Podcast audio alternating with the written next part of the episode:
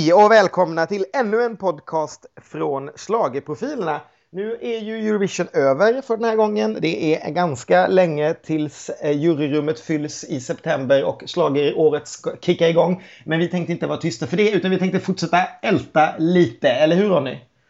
Ja, jag kan aldrig älta det här tillräckligt mycket. jag tycker det är härligt att du pratar igen. Sist vi såg så var du väldigt, väldigt tyst. Ja, av, av, av förståeliga skäl. jag, jag försöker släppa det här slageråret men Ken ska hela tiden dra upp det igen. och peta i den här myrstacken. Jag, ja. Den har ju precis lagt sig. Det här, det här ska ältas så att du liksom är redo. När vi åker till Ukraina ska du ha träd i fickan som du plockar upp. Nämn inte det landet! ah, ja.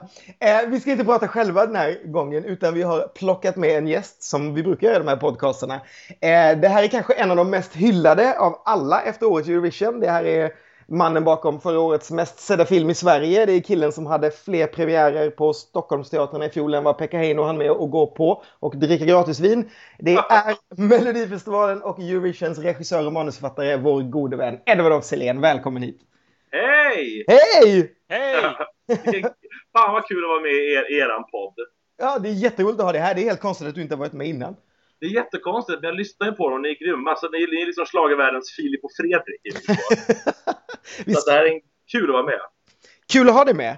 Och det ska bli jätteroligt att bara älta det här för att det, vi, vi ältar ju alltid det här vi tre egentligen fast kanske inte offentligt. Så det ska bli Nej, precis. Så här. Hur... Nu, ska all, nu ska allting vädras, allting ja. ska ut. nu ska allt upp på ytan. Hur är det? Har du vilat någonting efter? Eller, jag tycker det känns som du jobbar... Alltså, du var på Nyhetsmorgon bara för några dagar sedan och var ett helt nytt projekt. Har du sovit något sen Eurovision, Edvard? Nej, alltså jag ska väl ärligt säga att just nu är det lite, tycker jag, att, det är, att jag längtar efter semester. Därför att eh, det är så att dagen efter, eller måndagen efter Eurovision-helgen, så var jag tvungen att börja repa ett, ett, ett, ett projekt. Så är det alltså, så här, teaterprojekten är ju som inbokade alltså, sedan ganska långt tillbaka. Eurovision hände ju bara plötsligt i maj förra året. Så, så, det, så, att, så att det, det, var tvunget att bli så. Men snart får jag semester. Hur, hur snabbt visste du förresten att du skulle jobba med det? Om man eh, säger så. Där, efter att Måns vann i Wien. Hur snabbt hamnade det på ditt bord att få fixa det? Ja, alltså det, ganska fort ändå måste jag säga. Även på natten i Wien. Eftersom att Martin Österla, Martin var på plats i Wien för att se Måns vinna så började det tisslas och tasslas. Men man vet ju inte, man vet heller liksom inte vilken, i vilken kapacitet man får vara med, vad ens uppgift blir. Coolt, men det blev du i alla fall. Hur, alltså när du fick det sen, hur kändes det liksom att ta det så snabbt efter 20... Hur kändes det mot 2013 att, ta, att göra det här, hela grejen? Det är så mycket jag vill fråga känner jag. Det bara... Ja, och ska jag, vara, ska jag vara helt ärlig verkligen? Ja, det ska jag ska. kommer, folk, kommer folk lyssna på det här? eh, ja, det var faktiskt lite jobbigt först tycker jag om jag ska vara ärlig. Det var först... Um, jag fick nog lite panik först. Ja, Därför att 2013 var så färskt i minnet. Eh, och även om man går tillbaka till när jag var i Wien, då var det ju bara, liksom, då var det bara två år sedan. Mm. Och det var en sån, en sån enorm kraftansträngning och en sån leverans för 2013. Och jag var så lycklig och stolt över det.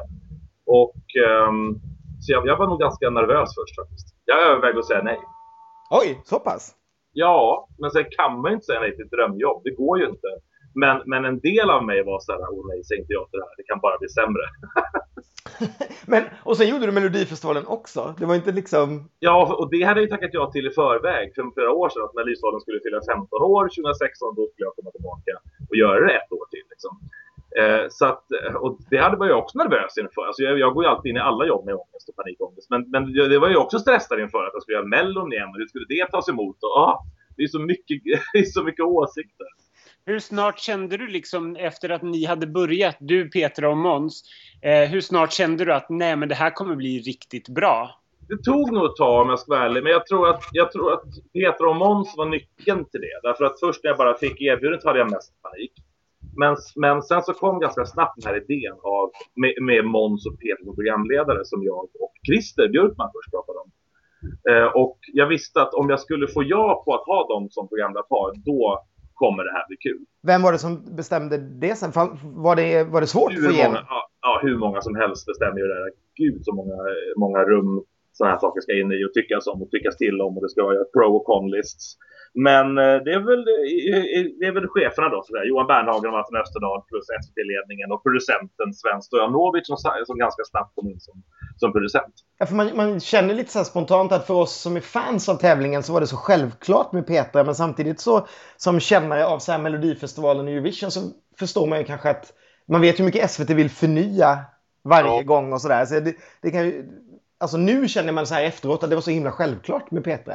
Hon känns som att hon äger den här festivalen nu. Mm. Sett. Ja. Nej, det, det, ingenting är självklart i en så stor organisation som SD tyvärr, även om det är det för, i, i, i, mitt hjärta. Så det var mycket diskussioner såklart och massa namn skulle upp på tavlan och alla namnen skulle ställas mot varandra och det skulle liksom jämföras och, och vägas hit och dit. Det, det, var tufft och just därför var det också så mäktigt den där finalkvällen, eller redan i semifinal 2 när publiken stod och skanderade Petras namn. Ja. Eh, och hon fick liksom stoppa sig för att folk skulle bara ropa hennes namn. Då stod jag bara, jag stod och grät. Eh, för, förutom att hon uppenbarligen är så pass bra på det här, vad, vad, är, vad är det som gör att hon är så älskad av fansen, tror du? Jag tror att det är att hon är så mänsklig. Eh, och samtidigt en sån ouppnåelig varelse. Det är någon, någon, balans mellan de två sakerna. För hon är så himla mänsklig. Hon är en vanlig 46-årig småbarnsmorsa med lite dålig rygg. Eh, och som skrattar väldigt mycket liksom, åt sina egna skämt ibland. Så hon är, hon är som vem som helst, men samtidigt är hon den här liksom Abfab-figuren. den här lite ouppnåeliga liksom, karaktären Petra Mede, som jag tror att publiken tycker väldigt mycket om. Jag vet inte, men det är, det är en dröm att skriva till henne. Det har alltid varit en dröm att skriva till henne. Man känner ju verkligen att det är något som klickar mellan er på något sätt. Jag, eh, inte för att så, men, men det, det, är ju väldigt sällan man ser, alltså man har ju sett Petra leda program utan ditt manus och hon är ju alltid bra, men hon är ju inte det, det, känns som att det finns något speciellt där mellan er. Känner du det också? Att det är något så här leveransen ja, det, på något sätt? Ja, det är, det är någonting där. Det är, jag vet inte vad det är heller, men det är någonting. Så, sen kvällen vi träffades i Andreas Lundstedts kök. När han, jag var på, på en spelkväll hos Andreas som skulle rappakalja. Och han sa att det är någon som du måste träffa. Hon heter Petra, hon är jätterolig. Och då var hon en ganska ny ståuppkomiker och så ville hon ha någon som skulle skriva specifikt för henne. Mm. Och jag hade skrivit mycket för kvinnor, Susanna Iperup, Johansson, Sissela Kyle mycket. Och hon hade koll på vem jag var och hon ville så gärna att vi skulle jobba ihop. Och så träffades vi i köket och klickade. Det var, det var kärlek första ögonkastet. Vi har precis samma humor privat. Därför är det så lätt att skriva för.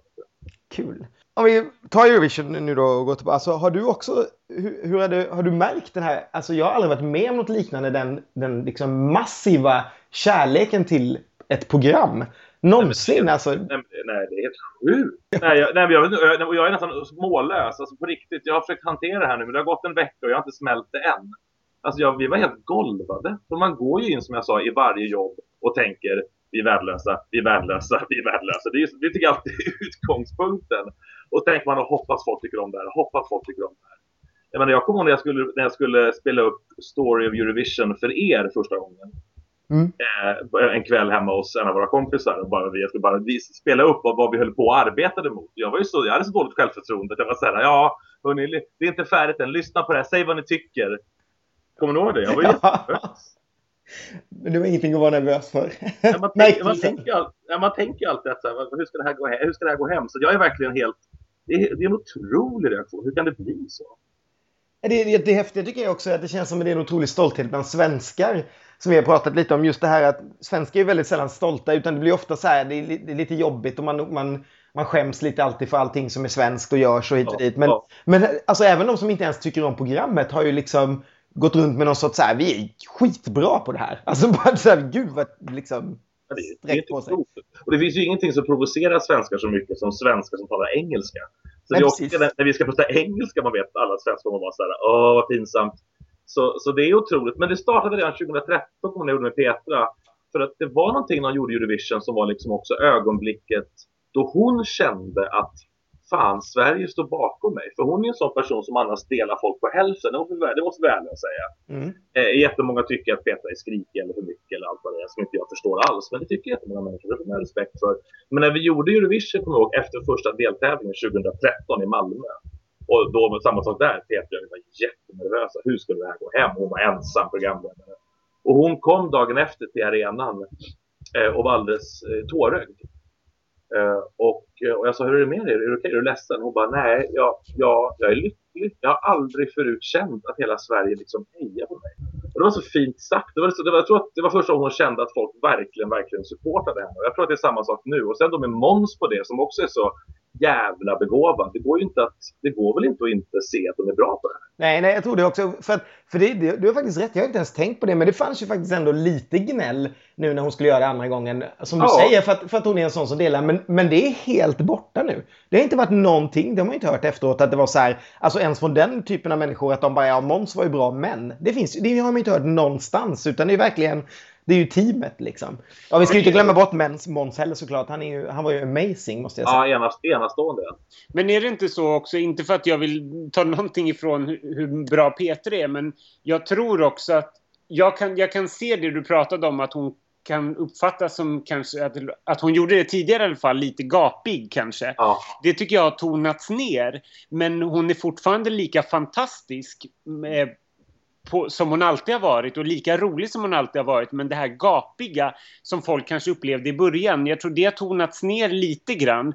Eh, och sen har folk såklart fått, fått vänja sig. Men hon har ju formats till den fantastiska programledaren och, och komikern som hon är idag. Liksom. Ja, så, ja, så är det verkligen. Du har helt rätt i det. Och när hon klev in i Melodifestivalen 2009, hon var ju så grön. Hon visste inte ens hur en mikrofon fungerade. Hon tog, var tvungen att skrika.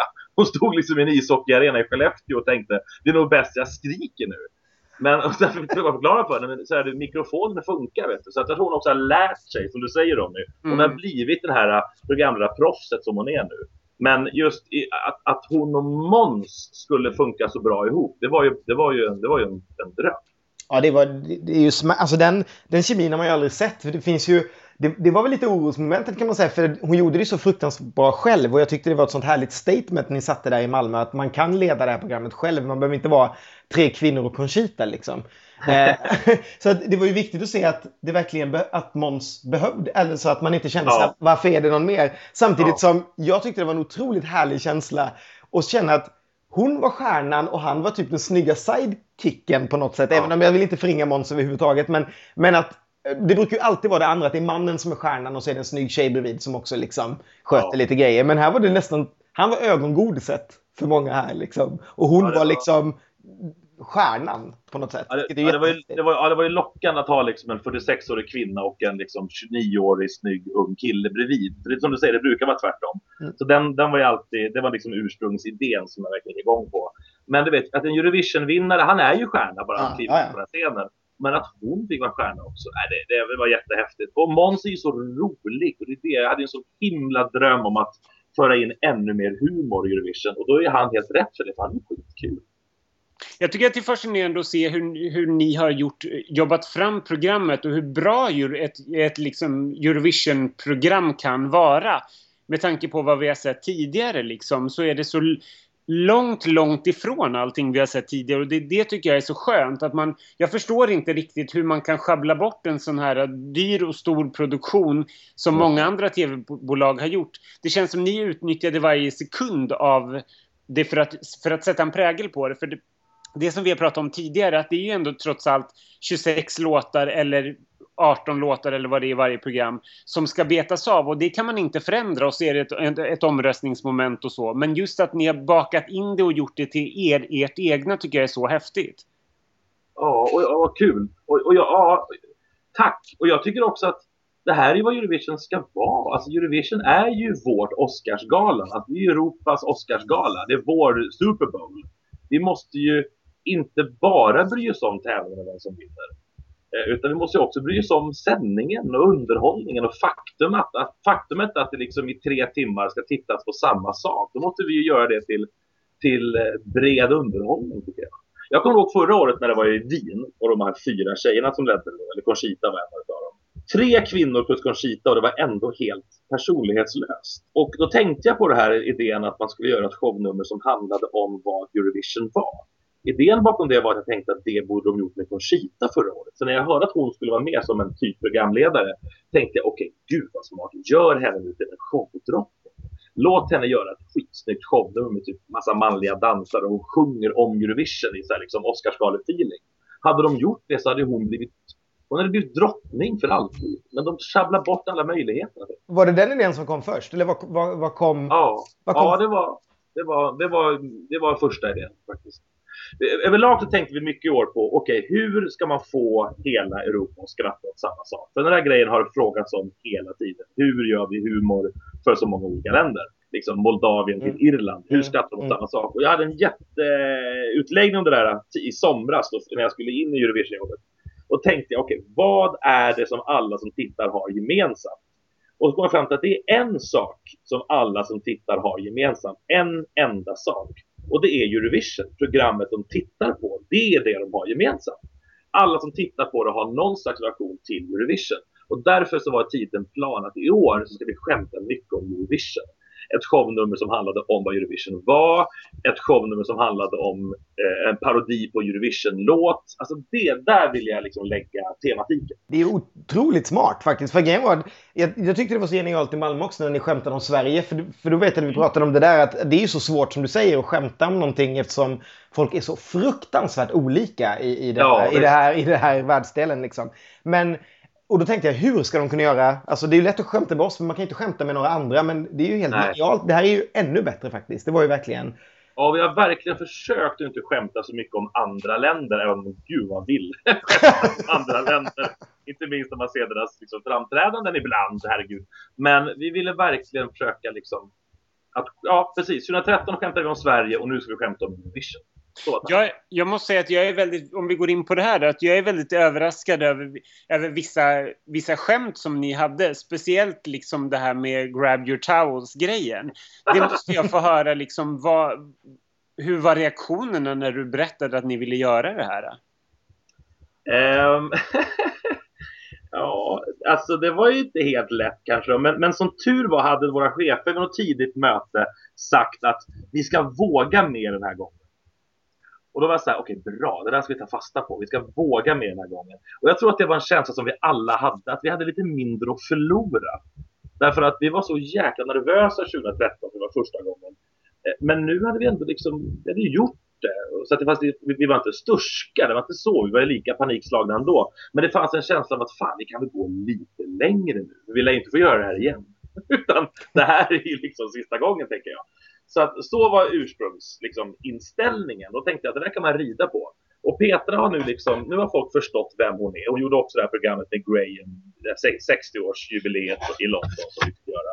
Där vi fick också gå lite längre, vi drog skämt om liksom, ja men vi skämtade lite värre där. Så det var liksom ursprungstanken. Och sen så, så kommer den här jävla taglinen, Come Together. Och det kan jag väl säga mellan oss tre. att jag tycker inte att det är den bästa tagline som någonsin har skapat. Det tycker jag faktiskt inte. Utan jag, jag, tycker att jag tycker den är alldeles utmärkt fin. Men jag tycker att den är lite, lite allmän.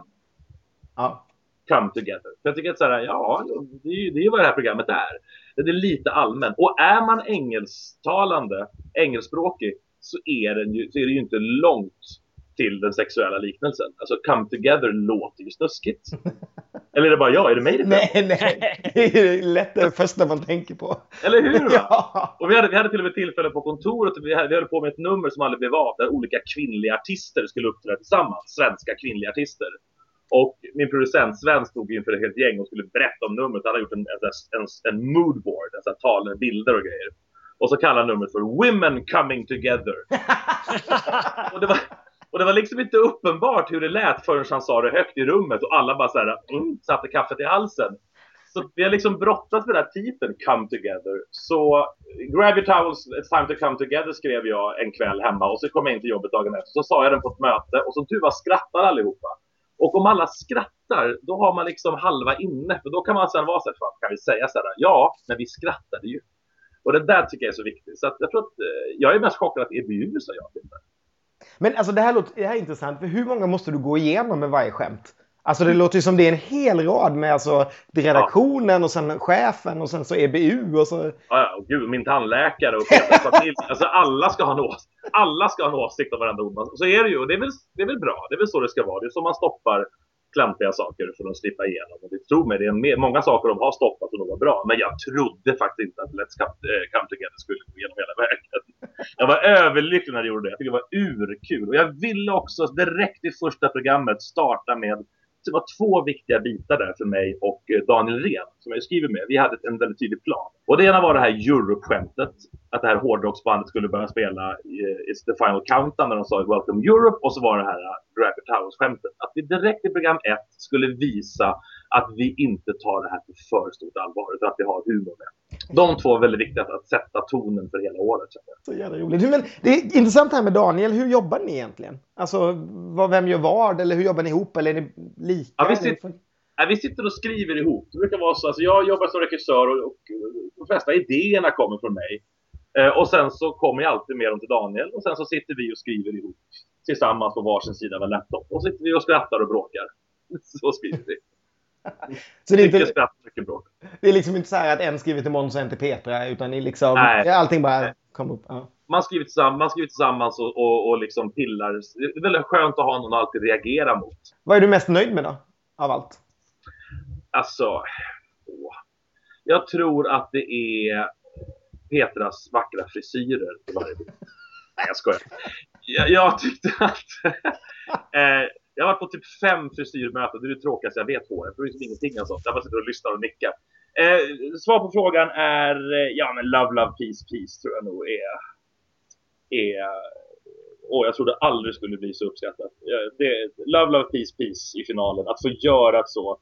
Så jag hade ju panik när vi fick det här jobbet. Hur ska vi toppa 2013? Hur ska vi toppa Swedish Smorgasbord? Som var liksom en sån stolthet från 2013. Och jag ville göra någonting i finalen som, som i alla fall skulle ha ambitionen att toppa det, eller åtminstone vara lika bra.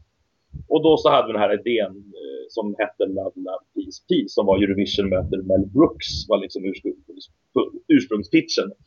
Det, jag är jättestolt över det, för det var inget lätt att göra. Det var en mardröm att göra. För Lordi skulle in och Ryba skulle in, det var 40 människor på scen om, om ni kollar på numret som vi klipper så mycket för vi ska redovisa så många saker i bild. Man ska se hamstryvet, man ska se tanterna med bröd, man ska se Loreen i, i tre sekunder.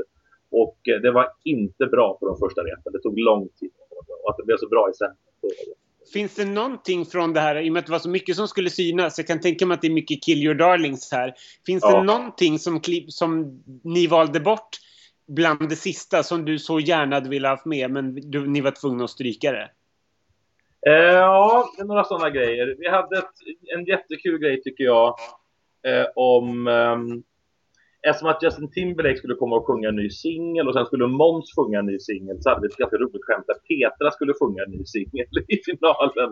Och hon skulle bräka sig igenom Celine Dions The Power of Love. Eh, den blev inte så himla bra, den var vi tvungna att stryka. Det var synd. Man kan inte få allt. Men tillbaka till Love Love Peace Peace så måste jag fråga. Eh, det är ju Fredrik Kempe som har skrivit melodin. Hur gick, hur gick det arbetet till? Var det ni som skrev texten först och sen så kom han med en melodi och fanns det flera olika tankar om melodier?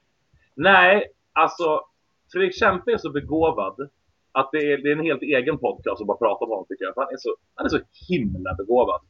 Och eh, när, jag, när jag började spåna på den här Love Love Peace så föreslog jag ganska tidigt till mitt team och sa vad sägs om att vi ringer Fredrik Kempe? För jag tror att han skulle vara sugen på att skriva humor. för Han hade liksom inte gjort det förut. Eh, och då så ringde vi till exempel och han sa ja direkt. Och då så hade jag och Daniel skrivit en grundtext som vi tyckte var så här, men det här är liksom en, en kladdtext kallar vi det för. Och så hade vi möte med Fredrik så läste vi upp texten till honom. Och sa det här är bara en kladdig text, vi kommer skriva om den sen. Och så hade vi läst upp den så tittade han på oss och sa han bara, men den här är ju perfekt. Och den texten är den som sen är i låten. Så han gick hem med den texten och så skrev han en melodi. Och två veckor senare kom den här melodin skickade till oss. Den är, den, den, var, den är ju hur bra som helst. så så är det. Han gick hem och skrev den här melodin och sen så proddade han den med Danne Sundqvist med en underbar producent. Som tycker om att slå på stort. Eller Morris Moore. Alltså jag har sett det där klippet så många gånger så att det är osunt måste jag säga. Så här. En, en så, alltså, det är så konstiga frågor jag har. Spelar Alexander Rybak eller är det liksom på band också som allting annat på Eurovision att det är liksom instrumenten på band? Det är det va? I'm happy you asked. Ja, det är absolut förinspelat. Men Rybak tog det här så seriöst, bless him, att när han hörde låten första gången så, så mejlade han tillbaka. Jag älskar den, jag är jättegärna med.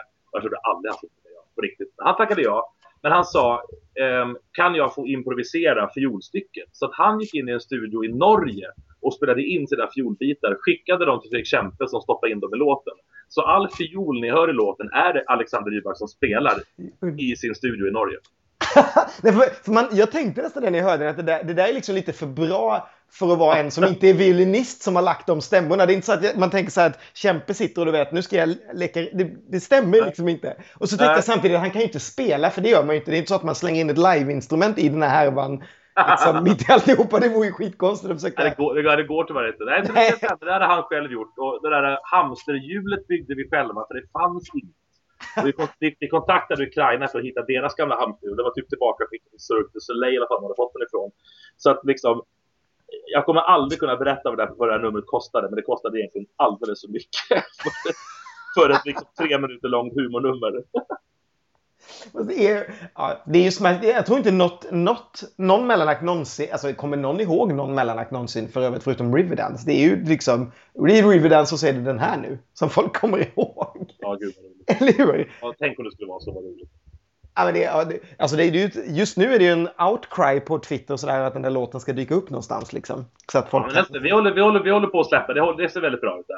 Det, det, det, är bara, det, är väldigt många, det är väldigt många eh, kontraktsbitar att gå igenom för att kunna släppa en låt tydligen. Men, men det här ser väldigt lovande ut. Jag tror att den är ute på Spotify eller vad nu ungdomarna hänger någonstans innan veckan är slut. Gud vad härligt. Förmodligen före jag får ut den här podden då. Men okej, okay, gå, in, gå in på Spotify så hittar ni... Och leta. Och leta. Vad, vad, är, alltså, vad tycker du annars var den största skillnaden mot 2013? Alltså, förutom alltså, manusidéer och, och hela kittet. Liksom. Kände du dig lugnare den här gången? Ja. Eller var det lika jobbigt? Eller hur? Eh, ja, det är lika jobbigt för att det här programmet är tyvärr inte så himla lustfyllt att göra som man skulle vilja tro. För att man är så stressad tyvärr. Och jag vill inte lägga sordin på något, men, men det, det, det, det är hemskt, hemskt stressigt. Därför att man har liksom ingen tid på sig. I Melodifestivalen är det också stressigt, för då har man i alla fall en vecka på sig. Då tycker man att det är omänskligt. Men här är det liksom, man gör en sändning på tisdag kväll och så är man helt slut efteråt och bara vill gå och lägga sig och gråta. Och så nästa morgon klockan nio så ses man i logen och börjar säga okej, okay, nytt manus. Så börjar man liksom försöka påminna sig om hur det manuset såg ut. Och fem timmar senare så kommer publik in och ska titta på ett genrep. Och där sitter ju ni och pressen och alla som tycker om det. Nej, det är, det är omänskligt. Och fredag, och fredag morgon när man är helt förstörd för två stycken program. Då har man liksom ett tre och ett halvt timmar långt program att göra som är det viktigaste plötsligt. Och man har ingen kraft kvar. Uh, alltså, vi satt i logen fredag morgon inne hos Petra, Petra, Måns och jag och, eh, och grät faktiskt. Alltså alla var bara så här, Eh, inte liksom hulkade, men vi alla satt och torkade tårarna för man var så himla trött och man var så skör och man hade så himla lite kraft kvar.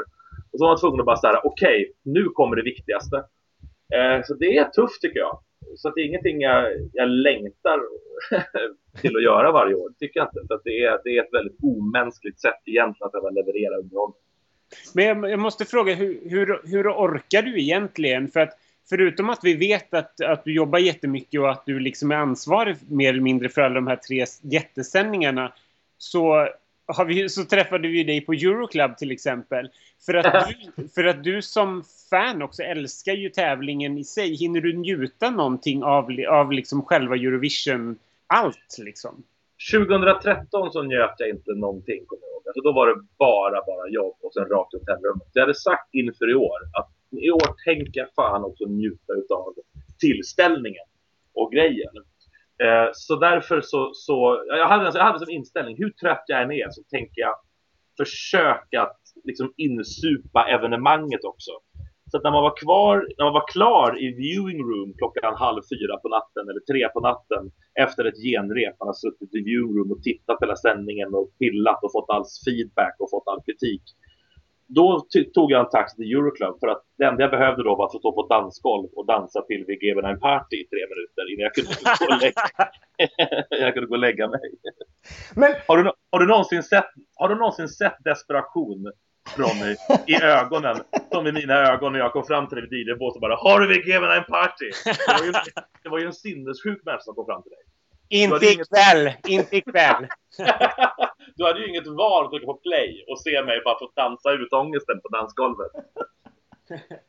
Men det, det, är ju två roliga saker. Dels så verkar du ha haft bättre koll på årets låtar. För jag kommer ihåg när vi gick igenom, vårt gäng gick igenom alla låtar genom tiderna. Så hade du typ noll koll på 2013. Man märkte verkligen att där hade du inte ens haft tid att ha koll på tävlingen knappt liksom. Nej, nej. Alltså 2013 är bara ett mörkt hål för mig.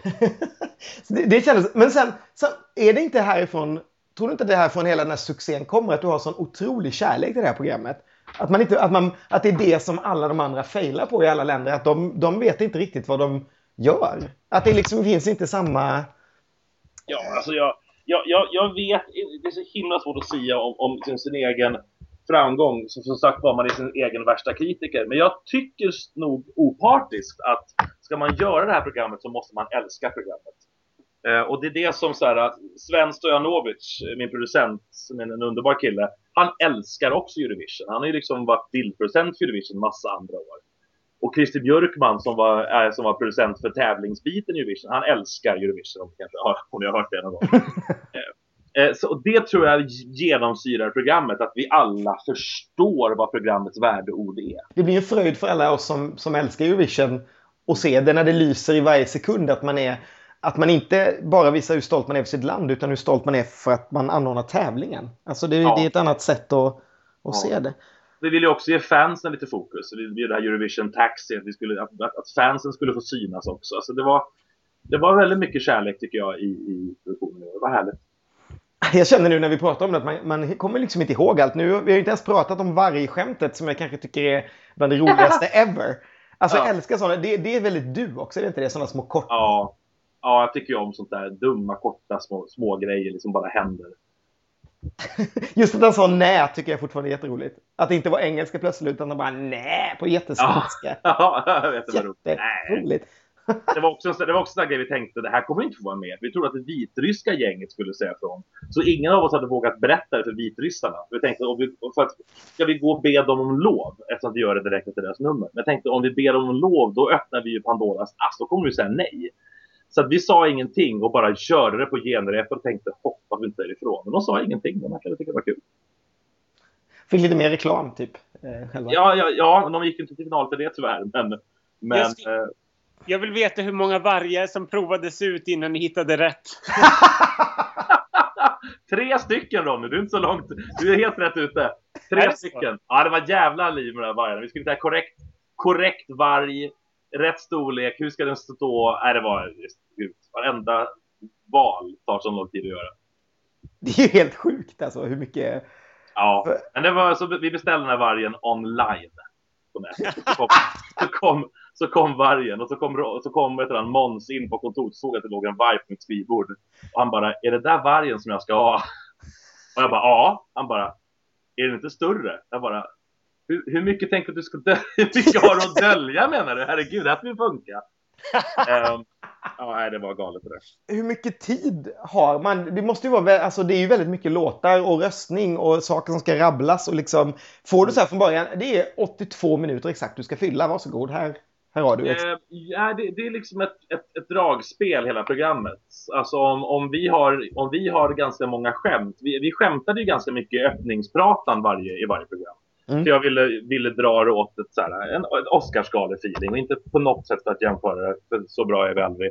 Men, men vi, hade, vi, vi pratade mycket om så här, Amy Poehler och Tina Fey på Golden Globe-galan. Men den tonen liksom, emellan Petra och Måns. Och än en gång, de är outnåeliga, Amy och Tina. Men den känslan att det, att det står två stycken som är kompisar och som kan driva med varandra på, på ett jargongsätt. Liksom. Eh, och då hade vi ganska mycket skämt och då la vi alltid på en minut extra på öppningspratan. Men då måste den minuten tas bort någon annanstans i programmet. Så det är ett väldigt knepigt dragspel. Eh, och eh, det var, det var ganska många låtar. Det var väl 18 låtar per deltävling, vilket också är rätt många. Så att eh, det där är det som tar absolut mest tid i, i att göra Eurovision. Det är en mardröm. Man sitter och plussar och minusar och man sitter och klockar varenda replik. Och vi tar bort en rad därifrån så vi kan få en till rad på en annan plats. Alltså det är en, det, är, det, tar, det tar många, många, många nätter. Men har, har liksom Måns och Petra så här klockor i öronen, höll jag på att säga, alltså, som hela tiden säger nu är det två, så här lång tid kvar, nu är det så här lång tid kvar. Eh, de, utan de får ju känslan bara när ni repar liksom för... när, när, man skriver sitter man med ett stoppur. Så när man skriver manuset så sitter man med, alltid med ett stoppur bredvid sig. Så varje rad man skriver klockar man och så vet man exakt hur många sekunder det är. För den här punkten får bara vara 35 sekunder, då måste det vara det exakt. Och sen måste vi repa in det så också. Det är helt sinnessjukt. Och sen är det de här korta bitarna i, i reklambreaks. Ja, just det. Eh, då har man fått 1.45 på sig. När Petra går i green room till exempel.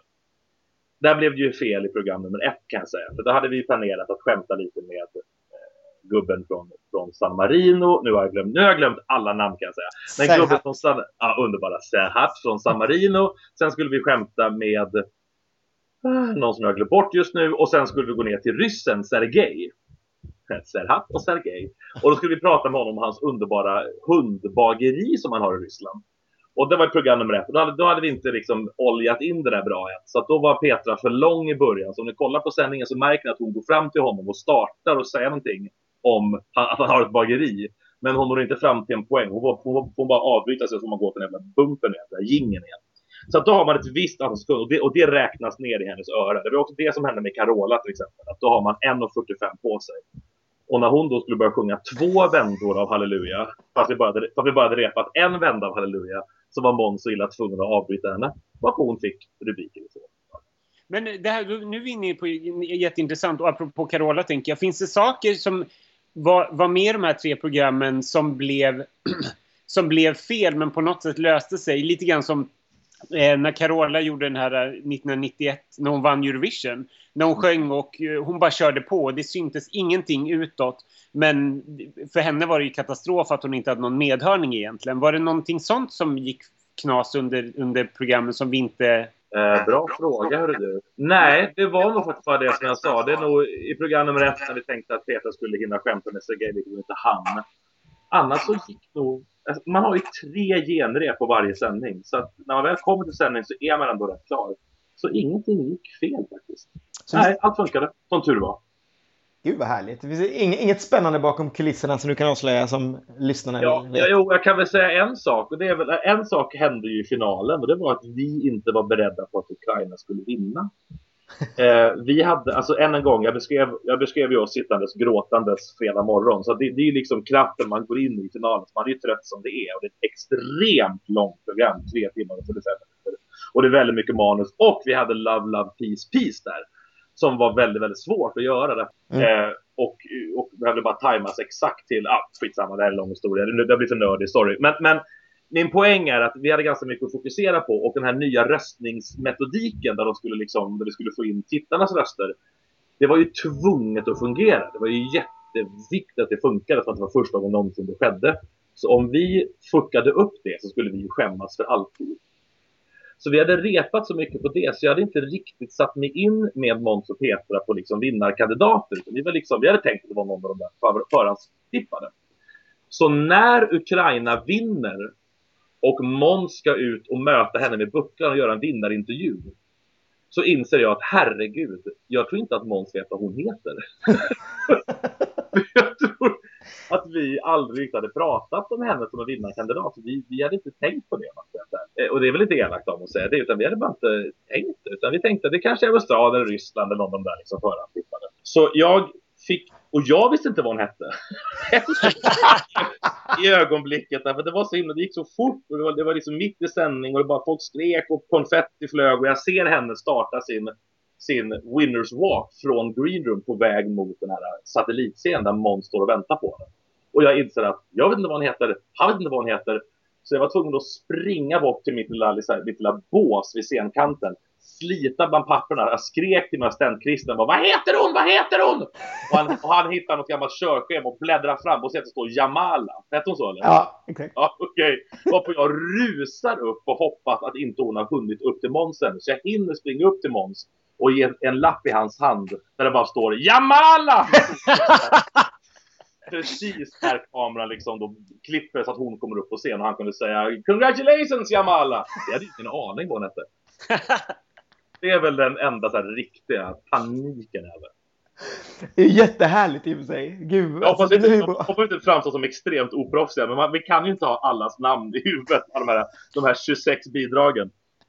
Nej, det är ju helt, men det är helt logiskt. Jag förstår er under den pressen som ni är under. Plus att det är som du säger att man tänker ju att så, men det skulle vara Australien antagligen eller liksom Ryssland. Ja.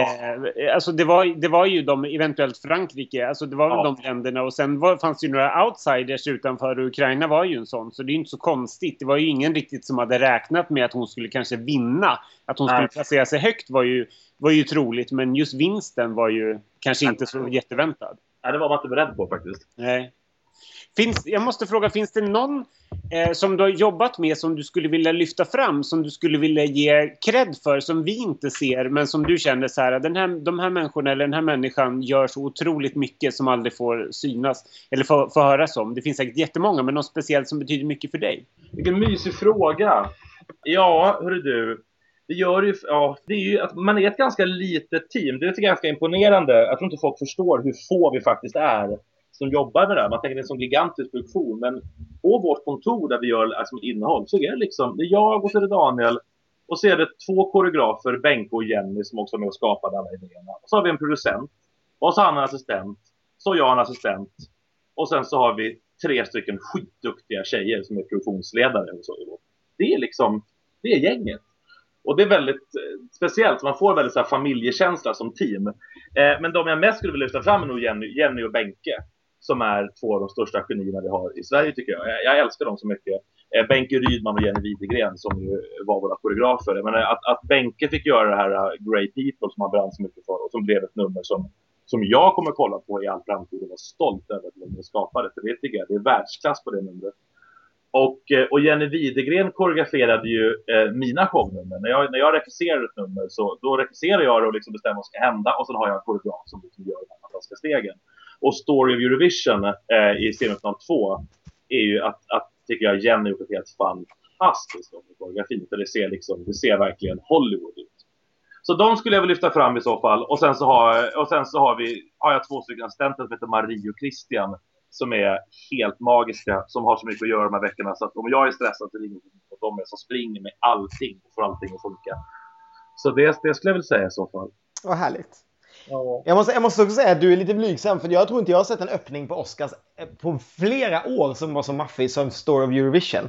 Och det skulle du ska lapa till dig för att de amerikanerna, visst det är ett väldigt amerikanskt nummer men amerika, det är lite som det där att, att svenskarna gör bäst slager men vi har fan inte fått till en riktig slager på väldigt bra länge. Det är ungefär samma sak med, med Oscarsgalorna skulle jag säga. Det var, det var ett bra tag sedan de fick till någonting som var så jävla maffigt som Eurovision var i år. Eh, helt Ja, det var ju en, det var ju en, en dröm att göra alltså. Herregud. Alltså, gud, att stå på scenkanten med pyrot började spruta och den här, den här kicklinen eh, skedde på scen. Det är nog ett av mina livslyckligaste ögonblick. Herregud. Ja. Känner du, för, känner du att du vill liksom så här, släppa det här och gå, vid, och liksom gå vidare? Eller, eller tittar du liksom på har du tittat någonting på programmet i efterhand och känner så att du vill vara kvar i det här på något sätt? Eller hur, hur känner man? Att man vill släppa och gå vidare, faktiskt, om man ska vara ärlig. Men, men, men eh, att man är helt slut efteråt. Men jag kan inte nog beskriva vad liksom... Jag har nog aldrig i mitt liv fått så mycket snälla ord från folk på, på, på nätet och så. Folk som stoppar en på gatan och det är ju helt det är ju helt overkligt. Alltså det är ju verkligen helt overkligt. Så jag, menar, jag växte ju upp med att titta på det här programmet och tänka att åh gud, tänk om man någon gång fick arbeta med det här programmet. Och jag hade nöjt mig med liksom vad som helst egentligen. Så, så, så därför är det ju overkligt att man får göra det här programmet och att folk tycker så mycket om det. Och att folk i andra länder skriver om de här shownumren. Det är faktiskt helt, eh, det är helt overkligt. Um, så det är väl något sånt, det, är väl en sån sak som, som, som, som betyder väldigt mycket. Eh, men så att jag, har, jag har i år faktiskt tittat lite grann. Jag tittade på alla programmen och, och spolade lite och tittade på några, några punkter. Och det var väldigt häftigt att få göra det. Jag, jag misstänker att lyssna på det att du inte säger du kommer inte direkt kasta dig över och vilja jobba med Mello nästa år och sådär eller? Nej. Nej, jag kommer nog inte det faktiskt. Men jag hade också verkligen tänkt att alltså, det var ett 15-årsjubileum för Melissa och, och, och, jag hade den här, den här idén att göra det med de här olika programledarna. Eh, Gina varje vecka och olika programledare och Christer Björkman som jag älskar. Vi, vi, vi ville verkligen göra det här, det här 15-årsjubileet ihop. Och, men sen visste jag att jag ville ta en paus i det här programmet också. Därför att det, det är, man gör det på gott och ont för det är så himla mycket åsikter. Eh, och det är så, det är så himla mycket direkt feedback. Och jag tycker att det är på gott och ont. Men ändrar man ett ord i nationalsången så blir man liksom förföljd och liksom utskälld. Så det, det, är lite orimligt kan jag tycka hur, eh, hur folk hanterar Melodifestivalen. Men det är väl bara kärlek inte folk, folk älskar väl så otroligt mycket att de är så himla himla engagerade och det är ju fantastiskt. Men det gör att det är väldigt väldigt stressigt att göra programmet. Så att, nej, jag kommer nog ta en liten paus från Mello. Men med tanke på hur, hur bra Love Love Peace Peace har tagits emot och hur, hur mycket de utländska fansen gillade själva låten också så mm. skulle jag inte ha någonting emot att du och Daniel slog er ihop med Fredrik Kempe och skrev en sån låt och skickade in till Melodifestivalen nästa år. Vilken bra idé! Ja! Hörru du, det var ingen dum idé. Från, från mannen som gav mig idén med den där tyska låten också. Att den, vet du, att den låst durch die Nacht. Precis. Som blev, som blev Här står jag till. Charlotte var också från dig när idén kom. Så att, vet du vad Ronny, håll i dig, det kanske kommer att hända. Eh, någon, någon frågade, ska, ska inte ni åka till Ukraina och skriva manus nästa år också? Och det är bara så här, det är ju jättekonstigt, det kan vi inte göra. Jag har ju ingen, jag har inget liksom, jättesvårt tycker jag för oss att åka till Ukraina liksom, och skriva det ukrainska manuset. Nej, men hallå där! All, all, respekt för, för Lotta Bromé och Ronnys eh, faktainsamling och sådär, men nästa år vill jag ha tillbaka dig i kommentatorsbåset. För det, ja. det, in, det, måste vara liksom, det där, du är ju Mr Eurovision på många sätt. Liksom, men, ja, men absolut. där måste vi ha dig. Jag vill absolut ja. ha tillbaka dig i kommentatorsbåset och framförallt så vill jag inte att Ukraina ska få någon jävla cred för, för liksom ett bra program. Det här, är Sverige, det här är Sveriges stolthet och det vill vi behålla liksom. Vi ska inte låna ut vår talang till massor med andra länder. Nej, nej, och kommentera vore för jag, jag, jag, tycker det är väldigt kul att kommentera och så kan folk bli och så istället. Det, det, kan vara min, det kan jag, där ska jag sitta med glädje. Ah, gud, det blir härligt i Ukraina. Nej, gud nej. Nu, nu får de göra några tre, fyra år med, med kassasändningar och sen kommer vi tillbaka igen och då kanske du är pepp igen på har någon ny bra idé vad, den, eh, vad man kan skämta om och köra. Så då, då tar vi tillbaka det om fyra år och visar vad skåpet ska stå. Då kan Petra ladda om också så hon kan slå det där rekordet. Det har hon redan gjort i och för sig. Var det inte, ja, fyra, det var det inte fyra program som var rekordet? Som... Jo, det stämmer. Och hon har gjort sex nu i stort sett. Ja, har du faktiskt rätt i. Hon, är, hon, hon har faktiskt rekordet rätt i. Så... Gud. Men nästa år, nästa år kan jag hoppas att det är jag och Serhat som kommenterar i båten. Eller... Jättebra idé. Eller Jamala om du kommer ihåg henne. Jag vet inte, ska vi, ska vi avsluta och prata lite om själva? Vad hade du för favoriter? Jag hade massa favoriter år. Det var ett jättebra år i år. Jag tycker verkligen det var ett toppenår. Mina favoriter var eh, Bulgarien. Mm. Säger jag, rätt, jag rätt nu? Jag sa rätt. Jag sa rätt. ja, det är den va? Det är Paul igenom. Ja, precis. Ah, toppenbra tycker jag att den var. Sen älskade jag ju Vitryssland. Det verkar ju inte alla hålla med mig om. Men jag tycker Vitryssland var jätte, jättehärlig. Jag tyckte Ryssland var bra.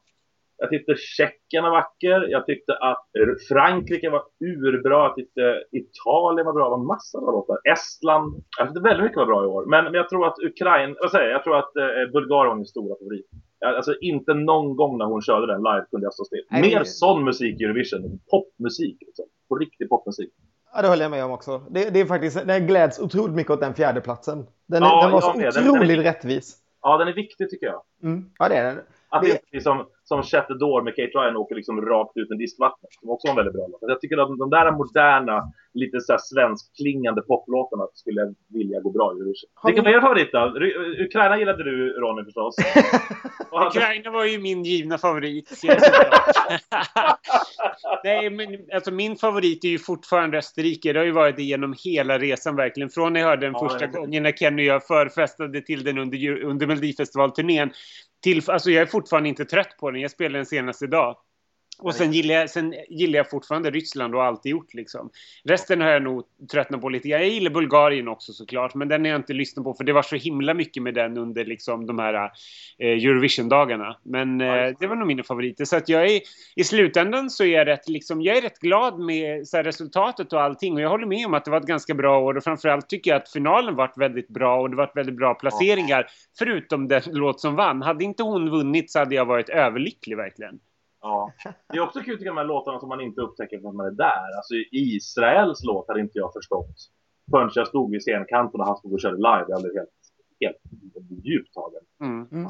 Tycker jag. Och Australien, jättebra också. Å andra sidan, om, om Australien hade vunnit hade det varit frågetecken om det också, tänker jag. För en, en australiensisk vinst är också lite förvirrande för de som inte är Eurovision-invigda. Att så här, vadå, vann Australien? Ja. Jaha, så vem ska leda nästa år då?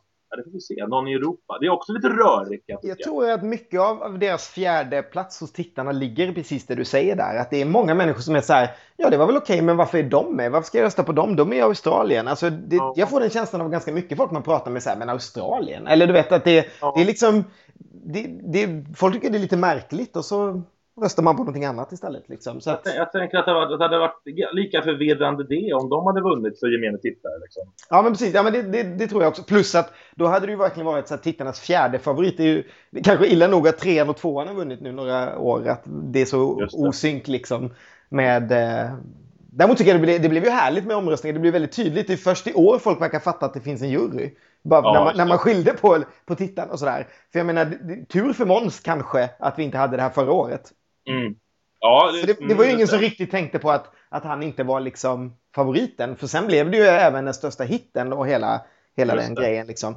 Men med det nya systemet är det ju väldigt tydligt att det här är en jury som har tyckt någonting och det här är folket som har tyckt någonting. Och i vissa fall som i så Bulgarien och Sverige kanske och Ryssland och så här, så var det ju ändå ganska jämnt och Ukraina då framförallt. Men i sådana fall som Polen så blir det väldigt roligt. Att man bara, jaha, här var vi inte alls i synk. Liksom.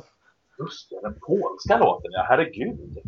Ja, det, det där är ju fortfarande ett lite härligt mysterium. Om det, om det för att det var mycket polacker eller om det var för att det var en, en härlig låt som folk Och då kan, jag ju, då kan jag ju säga en liten hemlighet här i podden. Men min, en av mina största panikögonblick var ju när vi hade börjat repa det här. För vi skrev ju Love, Love, Peace, Peace under vintern. Har ni tänkt på hur lik Love, Love, Peace, Peace är Polens låt? Nej. Nej. Hem och lyssna och få panik. Därför att jag står liksom på ett rep och så hör jag Polens låt repas. Jag bara... Det fick panik verkligen. För den går... Um, hur går det här låt? Och vår låt går Love, love, peace, peace ba, da, da, da, da, da, ba, ba, ba. Det är liksom samma, det är typ samma ackord och när jag hörde det, jag fick ju panik. För tänk, det hade varit katastrof för oss om folk trodde att vi, att vi paroderade Polen. Så här, specifikt. Att det här, SVTs, SVTs attack mot Polen. Eller också är det här vi har hemligheten till den här framgången. Folk hörde Love Love Peace Peace och bara, den här kunde man ju rösta på. Ja, Polen. Tredje mest från folket. Det var därför han fick så mycket röster. Nej, men lyssna på det som att de är ganska lika de här två refrängerna. Det är också väldigt roligt att Love Love Peace Peace lite driver med just den här grejen och så vinner det verkligen en låt som handlar om krig. Ja, det är så lustigt. Och att hon liksom nästan ber om ursäkt till Måns när hon säger vad var det hon sa i något så här också? I know you're making fun of peace but I really want peace. Eller någonting och Måns bara, ja just det. Nej. Också, han också får panik när, när vinnaren går upp och så här, typ kritiserar mellanakten som att det liksom var, var moraliskt fel. det tänkte jag med, men det var ingen som, folk bara, men det var ju bra mellanakt och alla var så arga på, på vinnaren så det är ingen som började bry sig. Nej, ingen, nej, ingen följde upp det som tur var. Jag hörde bara att hon sa någonting om I heard you joke about peace. Jag bara, uh oh. nu, kommer jag få en, nu kommer jag få en känga här nu i programmets sista skälvande minut. Precis den tänkte jag på också. Men sen gick min panik över för att Ronny sa jag kan inte skriva ett ord kan du måste skriva allt. då, då fick jag en ny panik istället. Ronny stod och hade han gått in och börjat våldtäktsduscha. ja, Ronny, satt, Ronny såg ut som någon som hade typ så blivit av med foten. Det var så att någon huggit av en fot på honom. Så att det finns liksom inget blod kvar i kroppen. Helt vit i ansiktet. Stirrar rakt framför sig och bara jag kan inte göra någonting. Jag kan inte göra någonting. Jag kan, jag kan ärligt säga att det här det var verkligen min största besvikelse på väldigt, väldigt många år. På alla plan kan jag säga. Jag är, jag är fortfarande så fruktansvärt besviken över att den vann så jag kan knappt kan prata om liksom den kvällen. Jag kan liksom tänka på programmet och allting var bra, allting var i övrigt. Men just resultatet det är bara så här. Då är det bara ridå för mig. jag ville liksom, det hade kunnat bli ett falling down moment i pressrummet. Nej, men när jag kom till pressrummet efter finalsändningen och jag, såg det Ronny, så såg det ut som DiCaprio efter björnattacken i The Revenant. så helt likblek knäckt. Jag tyckte så synd om det där ögonblicket, ska du veta. Ja. Jag försöker förtränga just det där, eller jag tror att det kommer, kommer att lösa sig. Vi hade så himla trevligt runt omkring. Vi hade du, du ska veta Edvard att under tre låtar, jag kommer inte ihåg vilka det var, så springer jag Ronny ur pressrummet in på en bar som ligger precis bredvid. Och tar, tar några shots och en drink och där kör de Eurovision på storbild och vi är de enda i hela baren. Det är vi, bartendern och två poliser på hela baren. Men varenda tv kör liksom så vi kan ändå se programmet där. Och sen så sitter vi där och sen springer vi tillbaka i en sån här, i under ett vykort och bara vi måste hinna tillbaka till vad det nu var vi skulle hinna tillbaka till. Det var ett så här jättehärligt ögonblick. Och sen måste jag säga att när jag ser programmet i efterhand så fattar jag lite varför Ukraina... Eller jag förstår det lite mer. För det är, det är typ den enda låten som har någon form... Där man ser att hon som sjunger verkligen vill något. Det är väldigt mycket så här... Eh, eh, vad ska man säga? Leveranser som är väldigt eh, maskinella och sådär. Så jag förstår det väl mer även om jag kanske inte riktigt... Ja. Jag kikade också på det och hon gör ju också ett fantastiskt... Alltså rent artistiskt så gör hon väldigt starkt i framförandet. Mm. Vok vokalt Eh, alltså det, hon är jävla. Ja, det fattar man ju. Buffoons, säger jag. Titta på Zoe så får ni se hur mycket hon menade sitt framträdande också med sina blommor och regnbågar. ja, vi kanske ska avsluta den här podden. Tack för att du ville vara med Edvard. Jättekul. Ja, Jätteroligt att ha det här. Jättekul att vara med hörni. Ni är bäst. Tack så jättemycket. Det var jättekul att höra allting. Det, det var, fanns så mycket att berätta känns, och så mycket att prata om och det var jättekul verkligen att höra allt. Vi ses i Kiev! Vi ses i Kiev! Hej då! Ja, hej då!